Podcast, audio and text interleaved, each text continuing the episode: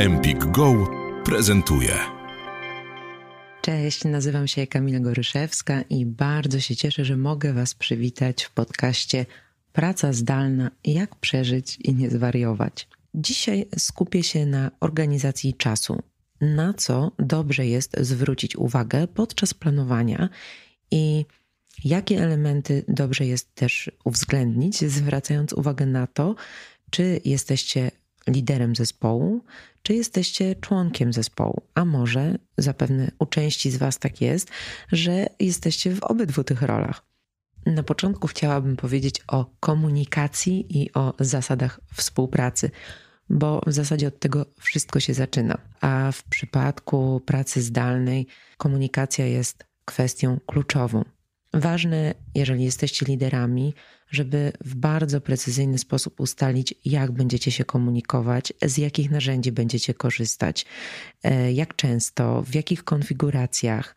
Czy będziecie skupiać się na spotkaniach całego zespołu, czy będziecie spotykać się w mniejszych grupach, a później spotykać się wszyscy razem i informować się o postępach pracy, czy będziecie pracować głównie indywidualnie i na bieżąco wysyłać do siebie komunikację mailową dotyczącą postępu waszej pracy. To wszystko jest do ustalenia na samym początku i oczywiście nie chodzi tutaj o ustalenie sztywnych zasad na nie wiadomo ile dni czy tygodni, bo oczywiście dobrze jest też to na bieżąco weryfikować, co się sprawdza, a co mogłoby ulec modyfikacji. Bardzo istotne jest y, zadbanie o narzędzia i o równy dostęp do narzędzi wszystkich osób w zespole. I tutaj y, mam na myśli nie tylko laptopy, ale też y, słuchawki, mikrofony, dostęp do internetu, dostęp do aplikacji. W większości firm dosyć sprawnie działają zespoły IT, które w razie czego mogą pomóc również w sposób zdalny zainstalować aplikację, jeżeli taka jest potrzebna i u kogoś jej brakuje. Form komunikacji, tak jak już mówiłam, jest wiele. Możecie robić telekonferencje, organizować sobie mniejsze wideo, spotkania, e, rozmowy telefoniczne, komunikować się mailowo, przesyłać sobie dokumenty, pliki zestawienia. Natomiast na pewno wszyscy powinni wiedzieć, jak ten rytm czy harmonogram spotkań wygląda. I jeżeli są zaproszeni na spotkanie, to powinni zaproszenie na takie spotkanie otrzymać do swoich kalendarzy, najlepiej z linkiem do konkretnego komunikatora, poprzez który nastąpi to spotkanie. I też od razu chciałam powiedzieć, że nie ma czegoś takiego jak dobra, wystarczająca ilość spotkań odpowiednia dla wszystkich. Każdy zespół jest specyficzny i ma też y, różne potrzeby, ale warto jest w tej sytuacji przyjrzeć się przede wszystkim, jak pracowaliście, mm, jak byliście wszyscy razem w biurze. To znaczy, jak często odbywały się spotkania, w jakich grupach żeście się spotykali i na początku dobrze jest to po prostu odtworzyć. Czyli jeżeli przełożony spotykał się raz w tygodniu czy raz na dwa tygodnie z każdą z osób z zespołu indywidualnie, to warto jest zachować ten rytm i po prostu patrzeć, czy to się sprawdza, czy może można tutaj zrobić jakąś modyfikację. Tak samo, jeżeli zespół miał cykliczne spotkania, to warto jest zachować rytm tych spotkań i też zobaczyć, czy w tej sytuacji trzeba ich y, organizować więcej, czy wręcz przeciwnie, na przykład mogą odbywać się rzadziej. Warto też zadbać o ramy czasowe, czyli jeżeli na przykład ustalacie, że możecie do siebie współpracując przy projekcie y, dzwonić y, o różnych porach, to też warto jest zastanowić się, co to znaczy różne pory i jakie są granice tych kontaktów. Oczywiście można sobie dowolnie regulować rytm e, pracy, jeżeli obowiązki na to pozwalają. Natomiast e, zachęcałabym do tego, żeby nie wysyłać maili w takich godzinach ogólnie przyjętych za godziny braku dostępności i ustawić sobie, że wiadomość wyjdzie na przykład rano po godzinie ósmej.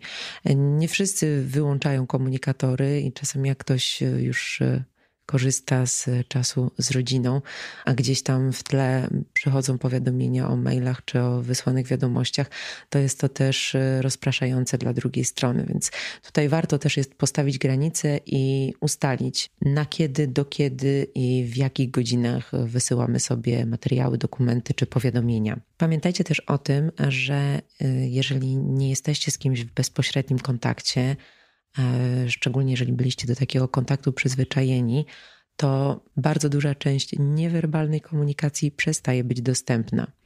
Więc e, jeżeli się nie widzicie, to odpada wam mimika. Jeżeli się nie słyszycie, to też e, odchodzi ton głosu. Więc e, zadbajcie też o to, żeby komunikacja była precyzyjna, czyli też, żeby upewniać się i podsumowywać rozmowy w taki sposób, żeby obie strony miały pewność, że rozmawiały o tym samym i umówiły się na to samo. Ja często podczas e, szkoleń robię takie ćwiczenie, że proszę wszystkich, aby bez konsultowania się między sobą zapisali na kartce, ile metrów dla nich to jest duży dom. I przyznam szczerze, że chyba takim największym zaskoczeniem była dla mnie rozpiętość pomiędzy 80 metrów a 2000 metrów na jednym ze szkoleń.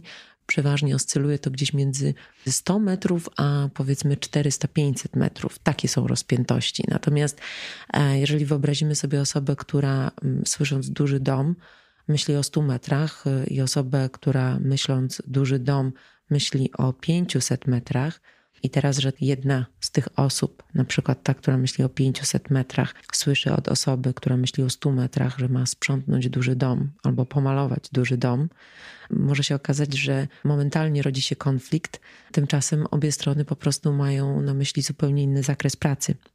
Więc to jest też bardzo ważne, e, żeby doprecyzowywać takie duże domy. Czyli co to znaczy szybko, co to znaczy mało, co to znaczy dużo, co to znaczy ładnie.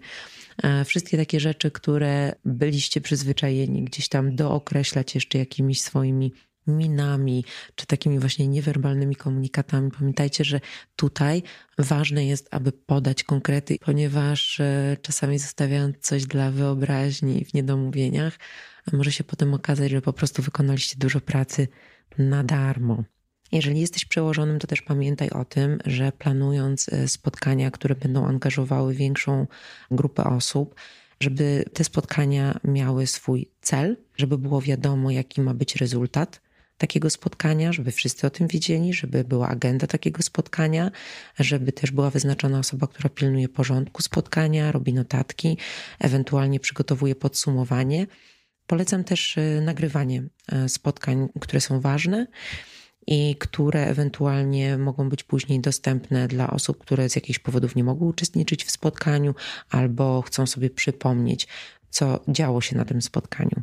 W temacie komunikacji bardzo istotne jest to, że jeżeli jesteś członkiem zespołu, jesteś pracownikiem, żeby też y, pamiętać o komunikowaniu swoich potrzeb, swoich oczekiwań. Lider, który ma duży zespół, nie zawsze jest w stanie wyłapać oczekiwania wszystkich, nie zawsze jest w stanie się upewnić, że potrzeby wszystkich osób są zaspokojone, także będąc członkami zespołu, pamiętajcie o swoich potrzebach, zgłaszajcie je, komunikujcie, bo tym bardziej w wypadku pracy zdalnej takie rzeczy mogą być niewidoczne i mogą umykać. Kolejną ważną rzeczą, o której powinien pamiętać lider, która w zasadzie w jego roli jest kluczowa, to świadomość tego, jakie cele stoją przed jego zespołem i pomysł na to, w jaki sposób rozliczać y, z realizacji tych celi.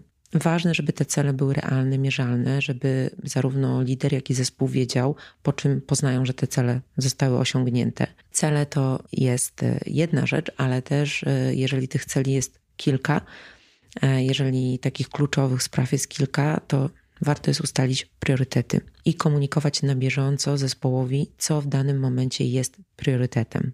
Przełożony może samodzielnie stworzyć e, harmonogram realizacji zadań, może też to zrobić wspólnie z zespołem lub po prostu poprosić zespół, żeby przygotował propozycję.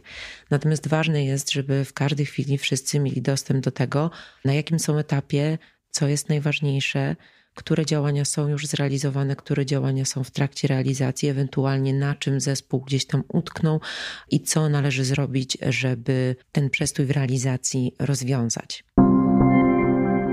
Wysłuchałeś fragmentu odcinka podcastu Empik Go. Słuchaj całości w aplikacji Empik Go. Pobierz aplikację i zarejestruj się już teraz.